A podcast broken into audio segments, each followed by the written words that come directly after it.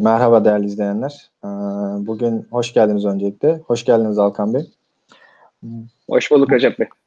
Bugün e, yönetici partnerimiz Alkan Balkaya ile stratejik planlama sürecini değerlendireceğiz ve stratejik planlama ile ilgili şirketler neden stratejik planlama yapmalı, stratejik planlama nedir? Bu gibi konuların üstünden e, geçeceğiz. İsterseniz başlayalım Alkan Bey. Öncelikli Tabii ki olarak başlayalım. Öncelikli olarak stratejik planlama nedir? Stratejik planlama deyince aklımıza neler gelmeni, uzun vade, kısa vade bu konulardan biraz bahsedebilir miyiz? Tabii ki Recep Bey, teşekkür ediyorum.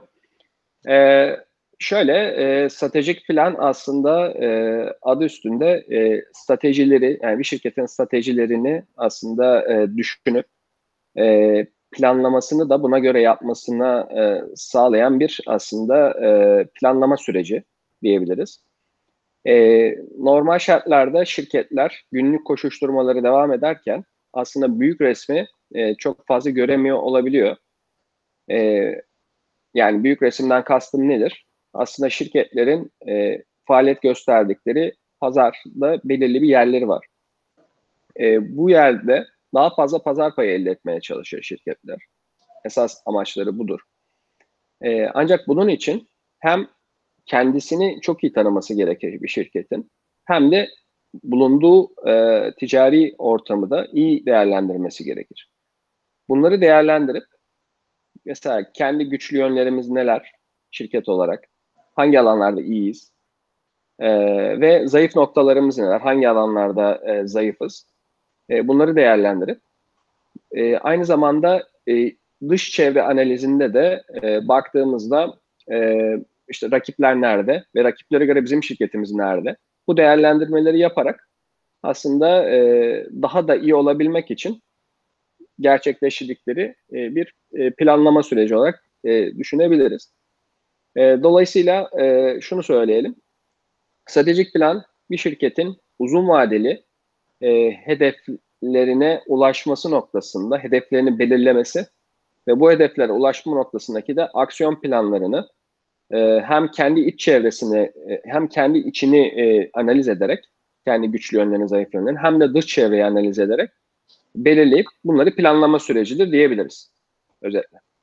Yani kısacası benim anladığım stratejik planlama bir şirketin hem kendi içindeki problemlerini, iyi olduğu konular, kötü olduğu konuları tamamını analiz edip uzun vadede nereye varabileceğini kestirebilmesi veya varmak istediği noktaya ulaşmak için ne yapması gerektiğini planlayabilmesi gibi. yanlış anlamadıysam. Aynen öyle diyebiliriz. Bu şekilde diyebiliriz. Peki e, diğer sorumuza geçecek olursak e, şirketler neden stratejik plan yapmalıdırlar? Stratejik plan yapmazsak bu bir şirketin aleyhine olur mu? Kötü yönde etkiler mi? Veya illa bir şirketin uzun vadede başarılı olması için stratejik plan yapması şart mı? Ee, güzel bir soru. Teşekkür ediyorum. Şöyle söyleyeyim. Ee, aslında e, şirketin e, planları, şirketin hedefleri genellikle şirket e, yönetimlerinin, şirket e, patronunun ya da neyse yönetim kurulunun ya da ortaklarının aslında genelde kafasına zaten oluyor. Yani bir şirket e, müdürüne ya da işte sahibine gittiğinizde e, önümüzdeki yıl yüzde kaç büyüme hedefliyorsun? Ya da işte önümüzdeki yıllarda büyüme oranı ne olur? Ve bunun haricinde temel olarak yapmayı istediğin şeyler neler? Örnek vereyim mesela diyelim ki Türkiye'de üretim yapan bir şirket olduğumuzu varsayalım. Ee, bir şirket sahibine gidip evet önümüzdeki yıllara ait neler hedefliyorsun, neler, neler hayal ediyorsun diye sorduğumuzda aslında bunun yanıtını direkt verebiliyor. Ne diyor? Şunu söylüyor. İşte en az yıl, yılda %20, %30 büyümeliyiz. Bir. ikincisi işte e, Avrupa pazarına açılmalıyız. Ondan sonra Üçüncü olarak belki işte e, ürünlerimizi yeni ürünler geliştirmeliyiz. İşte rakipler şunu geliştiriyor, biz bunu geliştirmiyoruz. İşte yeni ürünlere eklemeliyiz gibi. Aslında böyle temel maddeleri e, insanlar, firma sahipleri ya da yöneticileri söyleyebiliyor. Aslında e, ve bunu neye dayanarak söylüyor şirket sahibi ve yöneticisi? Aslında kendi zayıf ve güçlü yanlarını aslında içgüdüsü olarak biliyor tabii ki. Ve pazarı da biliyor o pazarda 3 aşağı 5 yukarı neler yapabileceğini ve neler yapması gerektiğini aslında kendisi genel olarak söyleyebiliyor. İşte stratejik plan aslında bu genelde firma sahiplerinin, yöneticilerinin aklında olan aslında unsurları daha sistematik bir şekilde ortaya çıkartmak ve bunu tüm şirketin departmanları ve e, çalışanlarıyla beraber o hedefleri belirleyerek aslında komple o hedefleri gerçekleşmek için çalışmak olmuş oluyor. Yani kafalardaki şeyleri somuta indirge, indirgemek ve bunu tüm şirketin tüm e, çalışanlarıyla paylaşarak o hedefte olsun herkesin katkısını almaya çalışmak oluyor. Bu noktada e, bunu yaptığı zaman şirketler yapmak yani yapmayabilir. Yapmadığı zaman e, planları olmadığı anlamına gelmiyor. Ama yaptığı zaman stratejik planı bu sefer gerçekten e, çalışanlar da müdürler de neyse şirketin diğer taraflarında e, farklı farklı departmana çalışanlar da Aa evet amacımız buysa, hedeflerimiz buysa biz de şöyle katkılar sunabiliriz gibi daha fazla açıkçası katkı e, sunma noktasına geliyor insanlar. Ve dolayısıyla o hedefleri gerçekleştirmek ve ulaşmak çok daha kolay oluyor. Bir ikinci bir başka bir faydası, dolayısıyla birinci faydası aslında gerçekten bir e, bir farkındalık olmuş oluyor şirketin genelinde ve o hedeflere ulaşma noktasında herkesin katkısını alabilme gibi bir yani birçok daha fazla katkı alabilme noktasında bir fayda sağlıyor birincisi.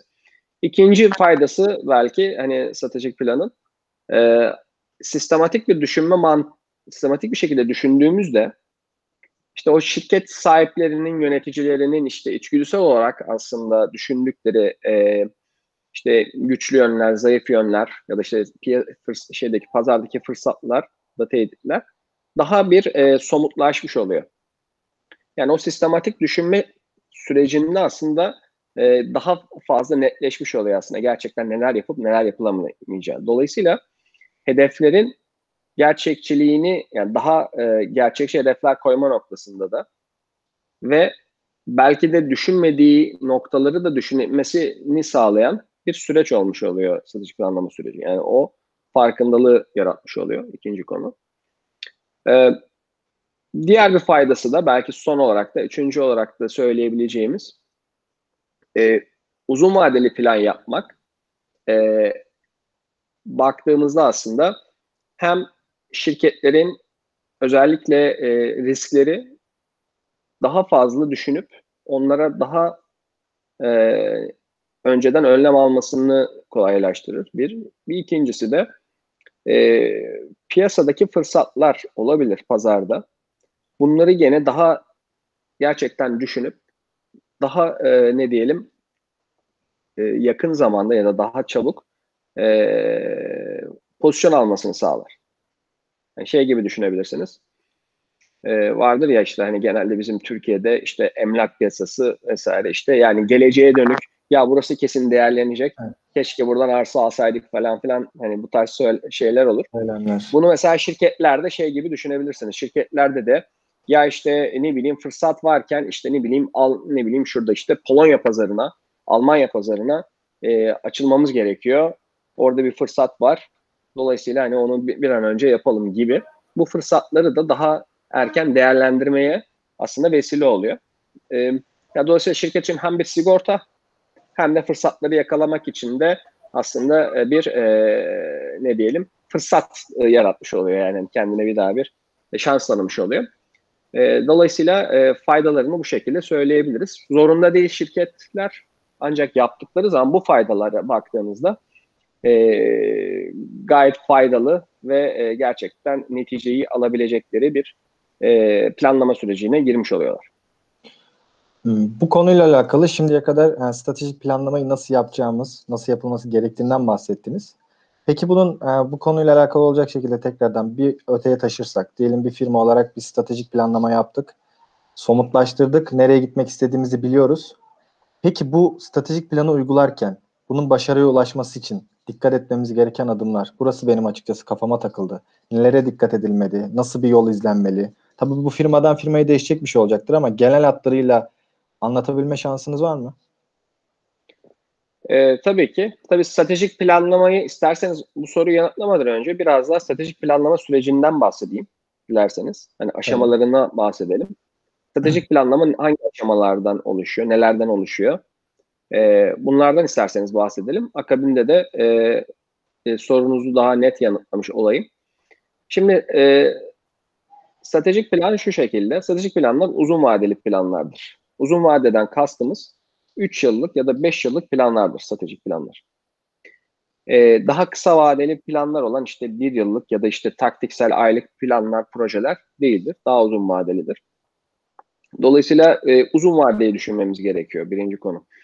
Şimdi nereden başlayacak olursanız aslında şuradan başlar. Gerçekten tekrardan bir şirket kuruluş amacın ne? Tekrardan bunu bir daha bir e, ziyaret etmekte yani bunu bir daha bir düşünmekte fayda var. Yani gerçekten buna mesela misyon denir. Ee, hani jargon olarak danışmanlık Vizyon ve jargon. misyonu. Evet, misyonumuz ne? Vizyonumuz ne? Bunlardan başlıyor. Şimdi misyon şu demek. e, kısaca bir şir bu şirket niçin var?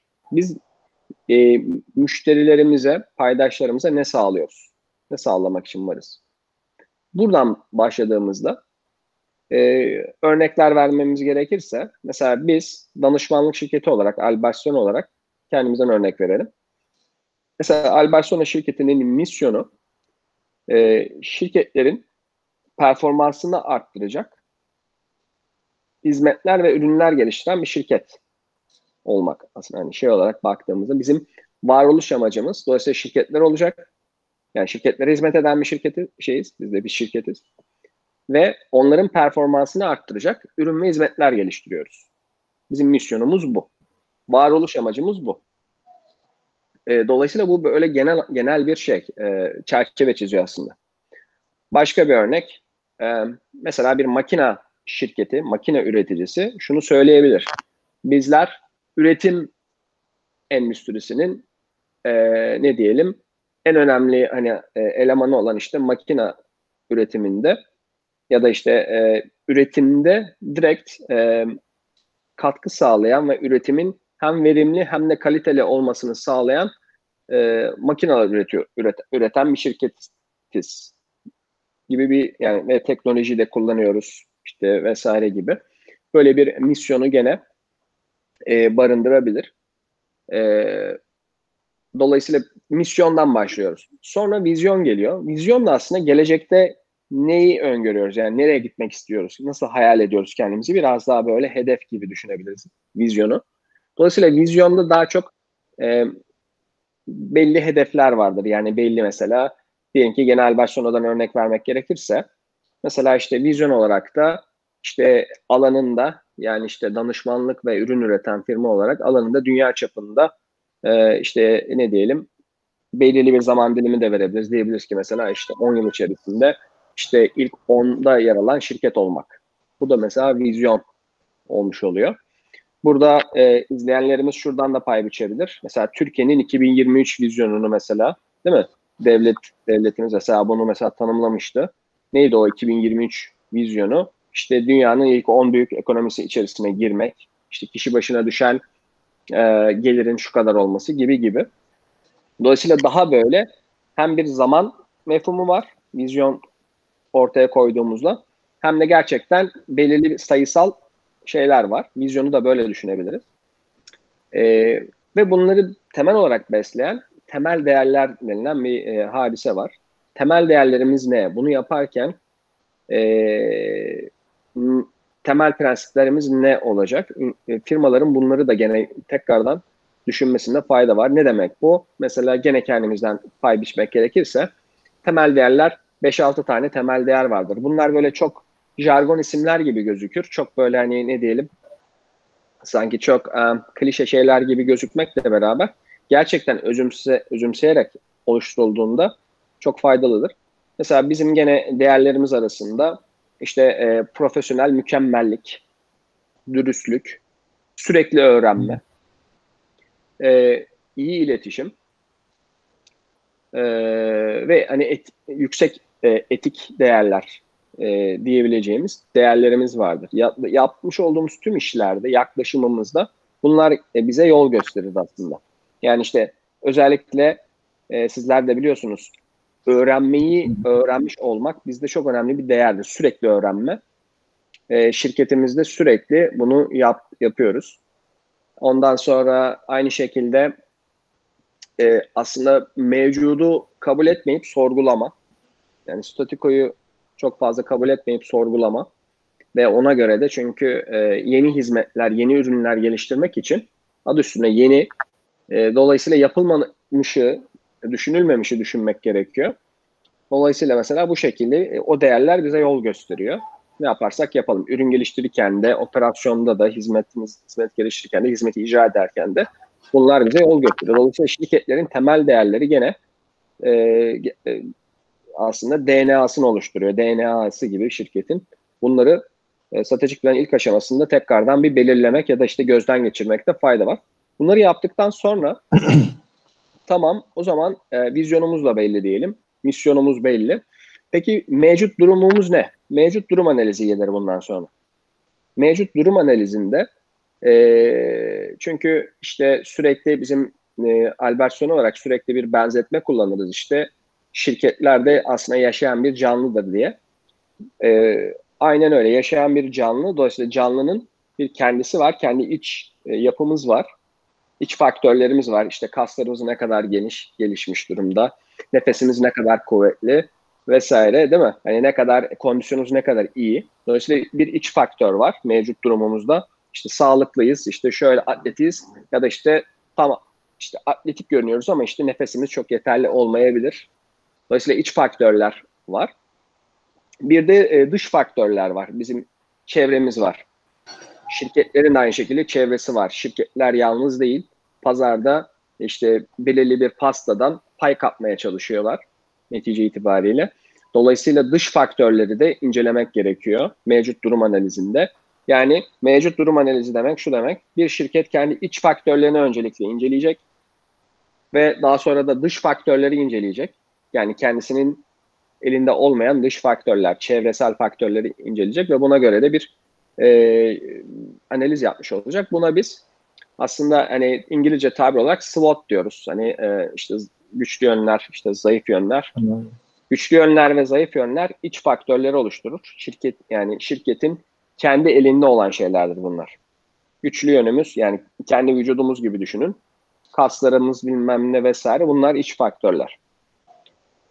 Dış faktörler ise çevresel faktörlerdir. Dolayısıyla e, politik faktörler olabilir bir şirket için düşünecek olursak. İşte dış çevrede işte diğer rakipler. Rakip şirketin olabilir. direkt kontrolü yok.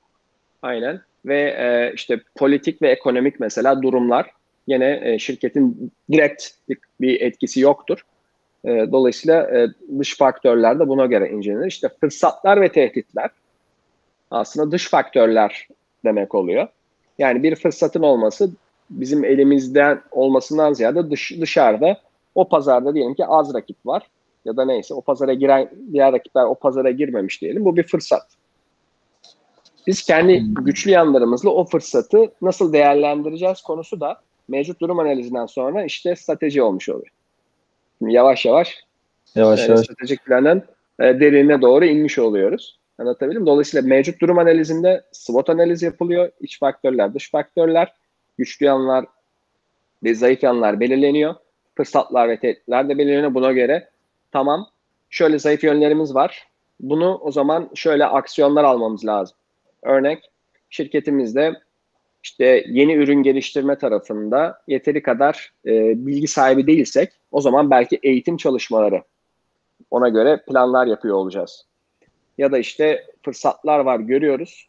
Dış çevre faktör analizleri yapmışız. Şöyle fırsatlar var. Tamam. Güçlü yönlerimizle o fırsatları hemen şeye dönüştürelim. Dolayısıyla hani bu mevcut durum analizinden hemen sonra e, bir anlamda işte stratejik amaçlarımızı ortaya koyabiliriz. Amaçlarımız ne? Amacımız mesela az önce söylediğim gibi bir şirket sahibine ya da yöneticilerine, yönetim kuruluna sorduğumuzda işte yüzde otuz büyüme yıllık, işte şu pazara girme, işte şu yeni ürünleri ya da hizmetleri geliştirme. 4-5 tane aslında temel şey vardır. Ee, kafada e, temel Amaçlar. hedef vardır. Evet bunlar işte evet stratejik amaçlar. Bu amaçlar doğrultusunda bu amaçlara ulaşabilmek için bazı işte stratejiler oluşturulabilir. Ne gibi? İşte dış pazarda yani diyelim ki işte dediğim gibi Almanya pazarına girmek istiyor bir üretim şirketi. hani zor bir şey diyelim. Hani Almanya pazarına bir şey satmak istiyor ya da İspanya pazarına neyse artık ya da Orta Doğu pazarına.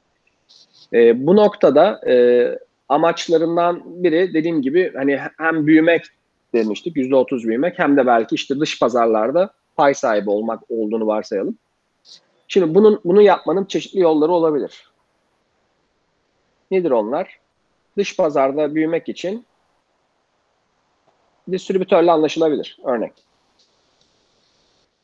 Metotlardan mı işte stratejiler. Distribütörle ilk başta gireriz demek stratejilerden biri olabilir. Ya da yok onun yerine işte irtibat ofisi açalım. Ona göre bir tane e, bizim Türkiye'den gönderelim ya da orada bir lokal birini tutalım. Başka bir strateji olabilir. Ya da ya işte bizim biz zaten başka yerlerde de fabrika kurduk, kurabiliyoruz. Gidelim küçük bir fabrika, küçük bir atölye kuralım orada gibi. Hani şu an tamamıyla hani örnek vermek için söylüyorum. Bunlar bunlar mesela o hedef için, o stratejik amaç, amaç için yapılabilecek stratejiler arasında. Bunlar değerlendirilip buna göre e, şey yapılabilir. Hani e, yok böyle değil de şöyle yapalım vesaire. Anlatabiliyor muyum? Hani dolayısıyla hani gerçekten bir e, şey gibi hani stratejide genelde e, ne diyelim satranca benzetirler. Hani birkaç hamle ötesini e, hayal etme olmuş oluyor. Gerçekten de öyle. E, bu anlamda işte amaçlara yönelik bu tarz e, stratejiler geliştirilebilir. Ve bunun ve yavaş yavaş o stratejiler diyelim ki şey yapıldı. O diyelim ki e, e, tamam dedik. İşte biz dış pazarlarda distribütörle büyüme stratejisini öngöreceğiz. Dedik, stratejiyi oluşturduk. Sonra e, stratejik hedefler dediğimiz, yani bunların çok önemli değil. Amaç, stratejik amaçlar var. Amaçlardan sonra işte stratejiler belirleniyor. Sonra stratejik hedefler. Hedef dediğimiz zaman artık o ana stratejik amacımız olan işte büyüme hedefimiz, şu pazara girme hedefimiz vesaire çok daha aslında genel olan amaçlarımızı olabildiğince yavaş yavaş e, aksiyon alabildiğimiz spesifik belirli bir zaman dilimiyle e, çevrilmiş bir hale getiriyoruz. Buna da işte stratejik hedefler e, diyoruz. Bu stratejik hedefler bir anlamda e, daha artık aksiyon alınabilir hale gelmiş olan şeyler oluyor. Yani diyebiliriz ki mesela işte birinci yıl işte e, Almanya pazarında işte bir tane e, diyelim ki işte irtibat ofisi açma. İşte ikinci yıl, stratejik planın ikinci yılı işte dedik ki işte Orta Doğu'da işte belki de işte ufak bir atölye açma. İşte üçüncü yıl vesaire şunu şunu yapma gibi gibi. Dolayısıyla o hani çok daha geniş olan hedefler yavaş yavaş artık daha böyle e, aksiyon alınabilen ve gerçekleştirip gerçekleştiremeyeceğimiz, direkt ölçebileceğimiz bir hale sokuyoruz. Dolayısıyla stratejik hedefleri bu şekilde belirliyoruz. Dolayısıyla hani çok kafada vizyondan, misyondan başladık fark ettiyseniz. Sonra işte e, işte stratejik e, hedef amaçlar dedik. Amacımız işte e, pazar payımızı işte şu kadar şu kadar da çıkartmak, yıllık bu kadar büyümek, şu pazarlarda söz sahibi olmak. Gene çok böyle ne diyelim genel, genel. hedefler, genel amaçlar. Onları gerçekleştirmek için o zaman taktiklerimiz ne olacak gibi. İşte iş ortaklığı mı yapacağız, distribütörle mi anlaşacağız, kendimiz mi fabrika kuracağız ya da ne bileyim orada ofis mi açacağız? Bunları belir belirleme. Bunlar değişebilir bu arada. Bunlar şey değil. Bunlar böyle hani çok katı şeyler değil. Stratejiler belirlendiği zaman başlangıçta neler olabilir? Yani şey değişebilir bunlar günün sonunda ama bunların her birini beyin fırtınasıyla ortaya koymak ve günün sonunda uyguladığımızda da en çok hangisi bizim işimize yaradı bunu tespit edip ona göre diğer taraflarda da revize etmekte fayda oluyor. Dolayısıyla stratejik hedeflerimizi de belirledik. Ondan sonra daha e, yıllık hedeflere kadar gelebiliyoruz. Yıllığı bırakalım aylığa kadar gelebiliyoruz. Tamam bu yıl neydi? Bu yılki hedefimiz işte Almanya'da irtibat ofisi açmak. Tamam. O zaman nasıl yapacağız bunu? Şimdi o zaman e, aylığa geldik. Yani operasyonel plan diyoruz biz buna. Yıllık olarak e, firmalar bu hedefi gerçekleştirmek için o zaman e, ne yapacaklar? Hangi aksiyon alacaklar? Ne olabilir? Tamam orada diyelim ki işte irtibat ofisi için o zaman orada e, ofis yeri bak bakma noktasına geliyor. gidecek mesela Almanya'ya ziyaret planlayacak. Diyecek ki mesela ben işte tamam Şubat ayında işte şu ziyareti yapacağım. Orada işte öncesinde işte şu şu şu e, ne diyelim e, ofis yerleri varmış. İnternetten araştıracak diyelim ya da işte çeşitli yerlerden işte bilgi alarak. Ondan sonra ziyaret gerçekleştirecek. Ziyaretin neticesinde işte belki de işte bir e, ofis açılacak. Sonra belki oraya bir irtibat kişisi ol, bulabilmek için değil mi? Almanya'da e, bir e, iş ilanı verecekler belki ya da bir personeli nasıl bulacaklarını değerlendirecek şirket. Dolayısıyla hani e, ta stratejilerden günlük, aylık, e, bugün ne yapacağımıza kadar e, olayı indirgemiş oluyoruz. E, ve bunları da ölçülebilir şekilde, zaman hedefiyle ve ölçülebilir şekilde e, KPI dediğimiz Key Performance Indicators yani işte e, anahtar e, gösterge artık Türkçesine ne dersek e, bunları da koyduğumuz zaman bunlara yani bu günlük hedefleri ya da aylık hedeflere ulaştıysak büyük ihtimal o işte daha büyük hedeflerimize de ulaşabileceğiz gibi bir yaklaşımla büyük resmi daha aksiyon alınabilen ve tüm şirketin her departmanına ve kesine yayabileceğimiz bir hale getirmiş oluyoruz aslında. Stratejik planlama süreci, e, stratejik planlamanın aşamaları bunlardan oluşuyor. Yani benim anladığım genelden özele doğru planlama yapıyoruz. En genelden başlayıp en ince noktasına kadar ve bu stratejik planımızı büyük resmi tamamlayabilmek için de en özelden başlayarak aksiyonlarımızı alarak en genele ulaşıyoruz diyebilir miyiz? Diyebiliriz. Aynen ve e, bunlar dediğim gibi 5 yıllık plan yaparken 5 yıl yaptık öbür yıl mutlaka uymalıyız dediğimiz şeyler değil. Her yıl e, o 5 yıllık stratejik plan yeni yıla başlarken tekrardan gözden geçirilebilir. Hatta geçirilmeli. Dolayısıyla şey hani katı bir şey söz konusu değil planlamada. Katı illa buna uyacağız diye bir şey değil. Ne değişmez? Stratejik amaçlar değişmez. Kolay kolay. Vizyon, misyon kolay kolay değişmez. Temel değerler değişmez. Yani değişmeyen şeyler vardır. Değişebilecek olanlar stratejiler ve aksiyonlar ve taktikler değişebilir. Doğal olarak çünkü hani e, dış çevre de değişiyor, şirket de değişiyor. Hedeflerine ulaşamamış olabilir, ulaşamayabilir. Ona göre o zaman e, ulaşılabilir şekilde düzeltmeler yapması gerekir. Dolayısıyla hani değişebilen üst şeylerde çok bir değişiklik olmaz. O ana hedeflerde, amaçlarda.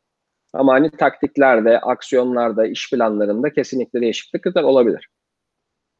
Anladım Hakan Bey. Çok açıklayıcı oldu. İsterseniz diğer bir e, sorumuza geçecek olursak. Şimdi biliyorsunuz ülkemizde veya dünyada birçok büyüklükte firmalar var. 5 kişilik firmalar da var, 50 kişilik firmalar da var, binlerce çalışan olan firmalar da var. Peki her firma e, stratejik plan yapmalı mıdır? Ek olarak her firma yapmak zorunda değilse ne tarz büyüklüklerde firmalar stratejik planlama yapmalıdır? Konu hakkındaki düşünceleriniz neler? Ee, şöyle söyleyebilirim. Ee, ilk başta da söylediğim gibi aslında bu stratejik plan e, lafı yani jargonu e, insanlar stratejik plan yapmasa da bir şirket sahibi, yöneticisi mutlaka kafasında bu planlar vardır zaten. Aslında bunları ortaya çıkartmak hani önemli olan nokta. Ama e, baktığımızda stratejik plan en çok kimlerde işe yarar? Hangi e, ölçekteki şirketler daha fazla bunlardan yararlanabilecek olursak e, yani sonuçta 100 kişilik, 50 kişilik şirketlerin de stratejik planı olanlar olabiliyor. Olmayan da olabiliyor. Olmayan batıyor mu? Batmıyor. Çok hızlı da büyüyenler de olabilir. Hani bunun bir şeyi yok. Hani bu böyle sihirli bir değnek değil. Yani stratejik planın varsa çok iyisin yoksa kötüsün anlamına gelmez. Ee, ama şöyle büyüklükler arttıkça yani e, çalışan sayısı özellikle arttıkça şirketi e, yönetebilmek ve şirketi genel olarak belirli bir e, vizyon ve hedefler doğrultusunda e, hizaya hizalamak çok daha zorlaştığı için e, çalışan sayıları arttıkça daha fazla bu tarz uzun vadeli planların olmasında fayda var. Nedir peki o sayı verecek olursanız? Yani bir şirket 50 kişilik bir şirketse çok fazla stratejik plan yapmasa da olabilir belki. 100 kişilik şirket gene hadi diyebiliriz. Ama sayılar 150-200'e geldikçe daha da geçtikçe işte 300, 500, 1000 vesaire e, mesela bin çalışan olan bir şirketin stratejik planın olmaması gerçekten e, çok da iyi bir uygulama yap, yapmadığını gösterir düşüncemize göre, tecrübemize göre. 500 kişinin üzerindeki şirketler için aynı şey geçer. Yani 500 ve üzerinde aslında stratejik planlar mutlaka yapılmalı. Uzun vadeli planlar mutlaka yapılmalı. 250'den sonra da hani mutlaka tavsiye ediyoruz. Belki diyebiliriz ki hani 50'nin altı olmasa da olabilir belki diyebiliriz. Çok kapsamlı. Hani oralarda da olur ama oralarda daha böyle genel şeyler olur. Ee, ama dediğim gibi e, 500 ve üzerinde bence kesinlikle olması gerekir stratejik planlar.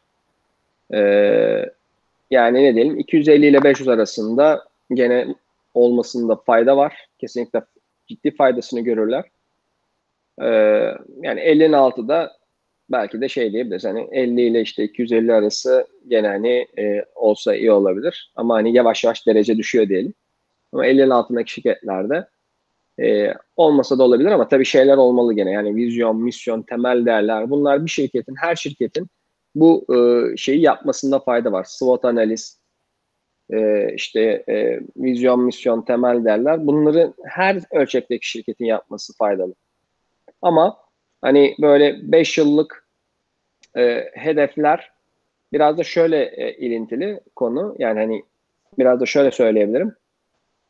Geleceği nispeten e, belli, belirli bir pazar payında olan, belirli bir olgunluğa erişmiş şirketler özellikle bu stratejik planları yapmaları daha faydalı oluyor. Geleceği çok net olmayan, yani mesela çok hızlı büyüyor. Ne bileyim işte yüzde 300-400 büyüyor küçük bir şirket diyelim. Onun stratejik plan yapmasından ziyade daha böyle e, genel hedefler koyması daha doğru olabilir. Belki orada işte e, OKR dediğimiz, Objectives and Key Results dediğimiz e, çevik e, stratejik planlama diyebiliriz belki çok şeyde. Taktiksel. Onu uygulaması daha doğru olabilir. Ama eğer e, yıllık büyüme oranları hani e, ne bileyim bu kadar dramatik değilse yani yüzde otuzlar, kırklar, elliler, onlardaysa belirli bir pazar payına sahipse ve belirli o pazardaki e, şeyleri görüyorsa ne diyelim gelişmeler görüyorsa bu bu, bu firmaların stratejik plan yapması kesinlikle çok daha şey e, faydalı olacaktır diyebiliriz. Anlıyorum. Ee, OKR konusuna da değinmiş olduk.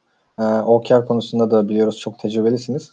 Peki şirketler e, aynı anda stratejik planlarıyla OKR'larını bir arada yürütebilir mi? Veya aynı anda hem şirketler OKR üzerinden kendine hedefler koyup aynı zamanda da stratejik planlama yapabilir mi? Yani bu ikisi uyum içerisinde çalışabilir mi? Bu konuda tavsiyeleriniz neler? Ee, şöyle söyleyebilirim işte stratejik planlar daha fazla daha daha yani şu, e, key performance KPI'ler daha net bir şekilde bellidir. Yani stratejik planlarda.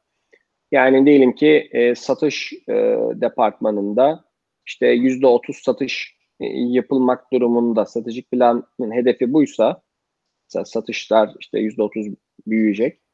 E, dolayısıyla satış personeli o firmanın o yüzde otuzu sağlamak durumunda KPI'yi. Bu stratejik plan bakış açısı. Aynı firma OKR'da uyguladığını düşünelim. OKR'da ama mesela yüzde otuz demeyecek de yüzde elli artış için hani amaç bu. Neler yapılabilir? Daha gelişmeye, daha fazla tabiri caizse oradaki hedefi daha zorlamaya yönelik bir e, süreci barındırıyor OKR. Ama KPI olması gerekiyor zaten. Dolayısıyla KPI'ler yani stratejik plan bu doğrultuda bireysel performans, insan kaynakları bireysel performans sistemine bağlı olabilir. Ancak OKR bu bağlamda daha e, ne diyelim insanları zorlayan, firmayı daha da ileriye götürmesi noktasında e, daha e, zorlayıcı projeler. Mesela orada onu performansa dahil etmiyor olmak daha doğru olan nokta. E, neticede ikisi de birbiriyle aynı, e, birbirinin alternatifi değil. Yani stratejik plan, OKR birbirinin alternatifi. İkisi aynı anda gayet güzel bir şekilde çalışır. E, bu noktada ikisi birbirinden ayrı konseptler. Anlıyorum Hakan Bey. Son olarak e, bir sorum daha olacak. Albert Solino olarak birçok şirkete, birçok firmaya büyük ölçekli, küçük ölçekli stratejik planlama danışmanlığı vermektesiniz. Ee, bunu firmalar daha önce stratejik planlama danışmanlığı almamış, herhangi bir stratejik planlama stratejik planlama gerçekleştirmemiş şirketler. Bu konuda Albert Solino'dan neden danışmanlık almalı? Bu konudan biraz bahsedebilir misiniz? Tabii ki. Ee, şimdi bizim danışman olarak, yönetim danışmanı olarak e, sağladığımız en büyük katkı aslında e, zaten e, firma sahiplerinin, ortakların, yöneticilerinin ne dersek artık karar vericilerin, firma karar vericilerinin aslında aklında, hayalinde olan konuları, hedefleri daha aslında belirgin bir şekilde ortaya çıkartmak. Bunu e, hem yazılı olarak ortaya çıkartıyoruz hem de biraz daha o, o beraber düşünüyoruz orada. Gerçekten o kafalarındaki hedefler, e, taktikler, işte ne diyelim stratejiler acaba tekrardan beraberce düşünmeyi sağlıyoruz aslında. Biz de düşünüyoruz onlarla beraber. E, bunu sağlayıp kafalarındaki o düşünceleri, o hedefleri yazıya döküyoruz beraberce.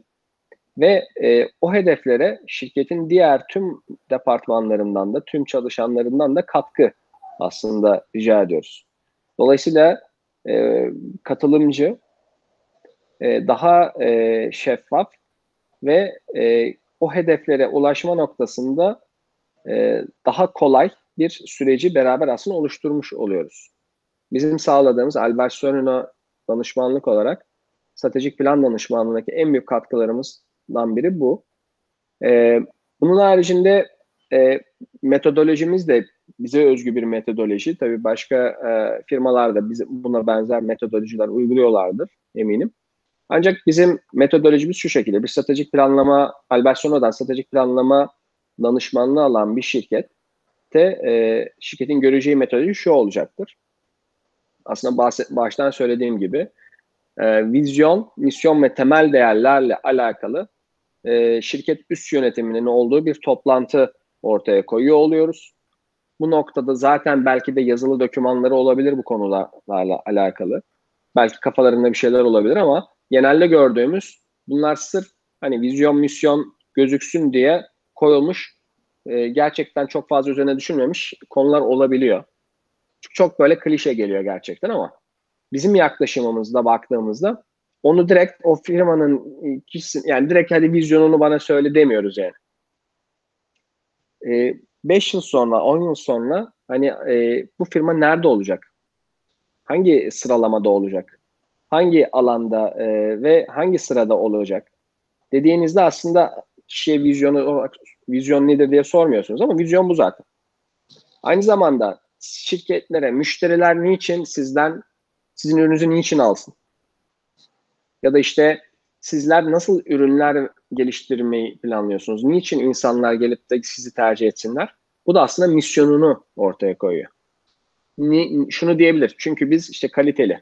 Çünkü bir ürün yapıyoruz. Çünkü biz son teknoloji ürünü e, ürünler yapıyoruz ve insanların işte makine şirketi ise diyelim ki işte e, yatırım yani bu noktadaki bizden aldıkları makinayla 10 yıl 20 yıl boyunca hiç sorunsuz, sıkıntısız çok kaliteli ürünler geliştirebiliyorlar. Biz bunun için varız. Bakın misyon.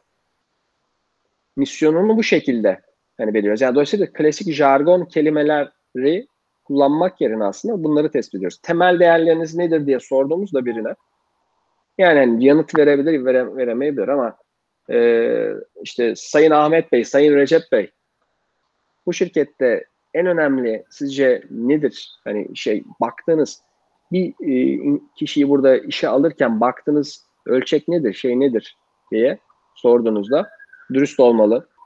Mesela dürüstlük. Ya da aynı şekilde siz müşteriye yaklaşırken sizi nasıl bilirler?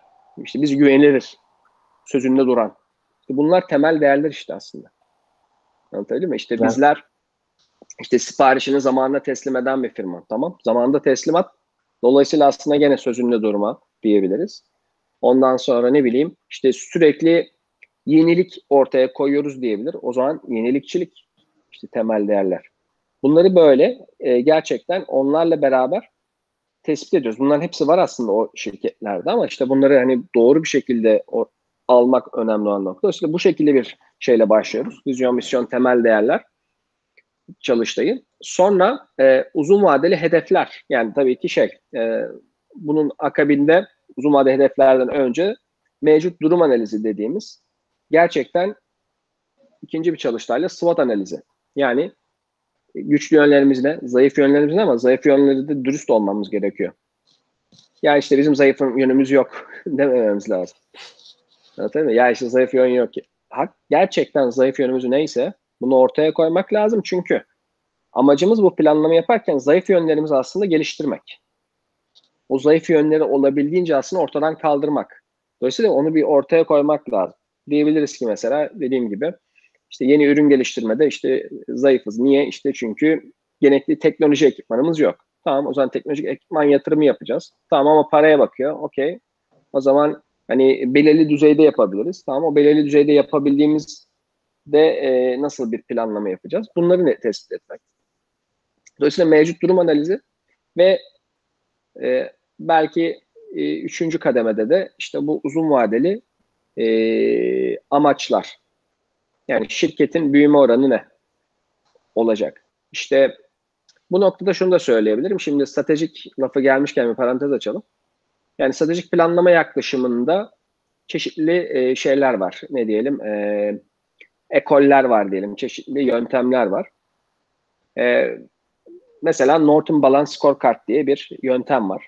Yani stratejik planda ya da bir uzun vadeli planlamada e, değil, e, ne diyelim e, dört tane boyut var şirketin aslında e, planlamasını yapmasında e, değerlendirilebilecek dört tane boyut. Birincisi finansal boyut. Finansal bir hedef. İşte şirketin diyelim ki satışlarını yüzde otuz arttırmak finansal bir hedef, finansal boyut. Bunu belirledik diyelim o çalıştayda. İşte mecbur analizi yaptıktan sonra. Okey. İkinci boyut işte e, ne diyelim e, müşteri boyutu dediğimiz boyut. Müşteri boyutunda diyebiliriz ki işte işte müşteri memnuniyetini işte e, ciddi e, yukarı yukarı tut, yukarıda tutmak. Dolayısıyla müşteri boyutu hani e, önemli olan nokta. Ondan sonra e, müşteri pazar da diyebiliriz buna. Yani hani bizi nasıl addedecek? Bizim ürünlerimiz işte kaliteli, güvenilir vesaire. Bu, bu da gene müşteri boyutuna girer yani öyle söyleyeyim size. E, bir üçüncü boyut e, ne diyelim? E, internal processes İngilizcesi yani süreçler.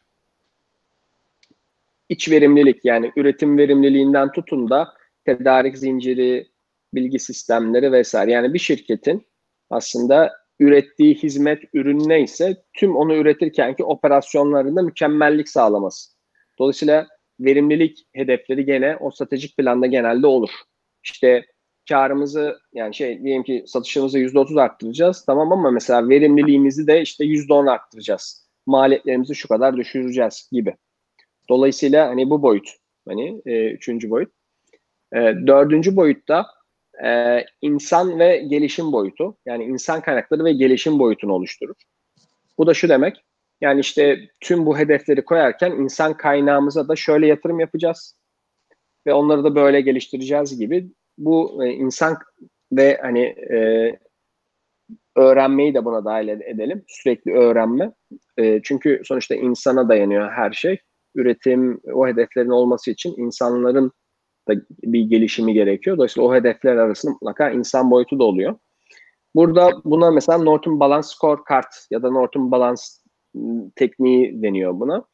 Biz burada e, bir tane daha ekliyoruz buraya. E, o da ürün ya da işte hizmetin kendisi diyoruz.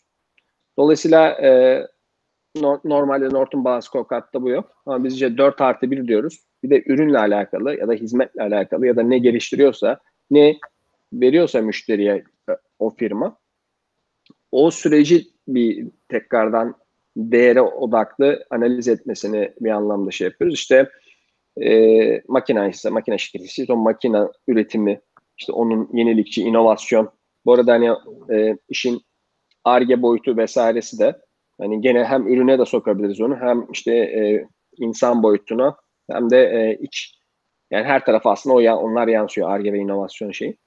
Dolayısıyla bu beş boyutta değerlendiriyoruz. Ve yani bunları ortaya çıkartıyoruz gene hani e, müşterilerimizle. Daha sonradan bunları ortaya çıkarttıktan sonra yani amaçlar, vizyon, şirketin temel amaçları var.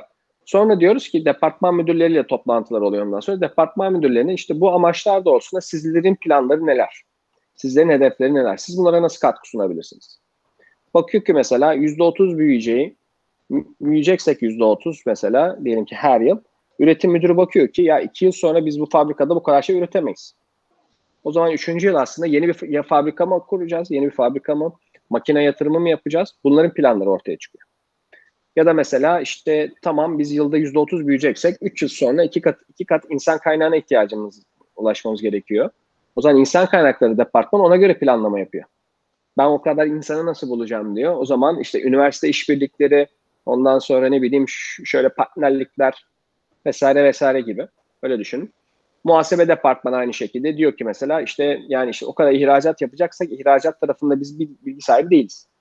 O zaman ona yönelik o bilgi sahibi olmak için belki kursa gidecek ya da belki ona göre e, insan kaynağı temin edecek kendisine gibi düşünün ve ya da işte aynı şekilde tüm bunu operasyonları yönetebilmek için IT altyapımız yeterli olmayacak. O zaman o zaman IT yatırımlarımızı da planlayalım. Gördüğünüz üzere tüm bunlar o departmanlardan dolayı kendi planlarını yapmalarını be- bekliyoruz. E, tabiri caizse e, yukarıdaki e, hedeflerle departman müdürlerinin de hedefleri gel- gelip onları işte tekrardan bir çalıştayla tabiri caizse el sıkıştırıyoruz. Üst yönetimle işte departman müdürleri vesaire. El sıkıştıktan sonra da planlar, programlar belli olmuş oluyor. Ve bunları da işte yazıya ve e, bizim yazılımımızı da var biliyorsunuz. Albertsona Stratejik Planlama yazılımı. Yazılımımıza da döküp bunları daha sonra bu şekilde yönetiyoruz ve herkes oraya e, kendi yapacağı işte aktiviteleri, aksiyonları vesaireleri girip takip ediyor. E, o şekilde e, yaşayan, canlı da yani e, firmanın sahibinin ya da yöneticilerin aklında olan hayalleri aslında e, yazıya ve gerçekten aksiyon alınabilir e, projelere dönüştürüp bu şekilde e, güzel bir süreci tasarlamış oluyoruz firmalarımızla beraber. Bizim Albertson'la stratejik planlama sürecimizin yaklaşımımız bu şekilde oluyor. Anlıyorum Alkan Bey. Verdiğiniz çok detaylı bilgiler için çok teşekkür ederim. Ee, değerli izleyicilerimize, dinleyicilerimize çok teşekkür ederim. Ee, gerçekten çok güzel bir e, röportaj oldu. Özellikle stratejik planlama ile alakalı çok değerli bilgiler verdiniz. Çok detaylı bilgiler. Açıkçası benim kafamdaki bütün soru işaretlerini kaldırdınız diyebilirim. Tekrardan çok teşekkürler. Ee, kendinize iyi bakın. Ben teşekkür ediyorum. Çok sağ olun. Görüşmek üzere. Görüşmek üzere.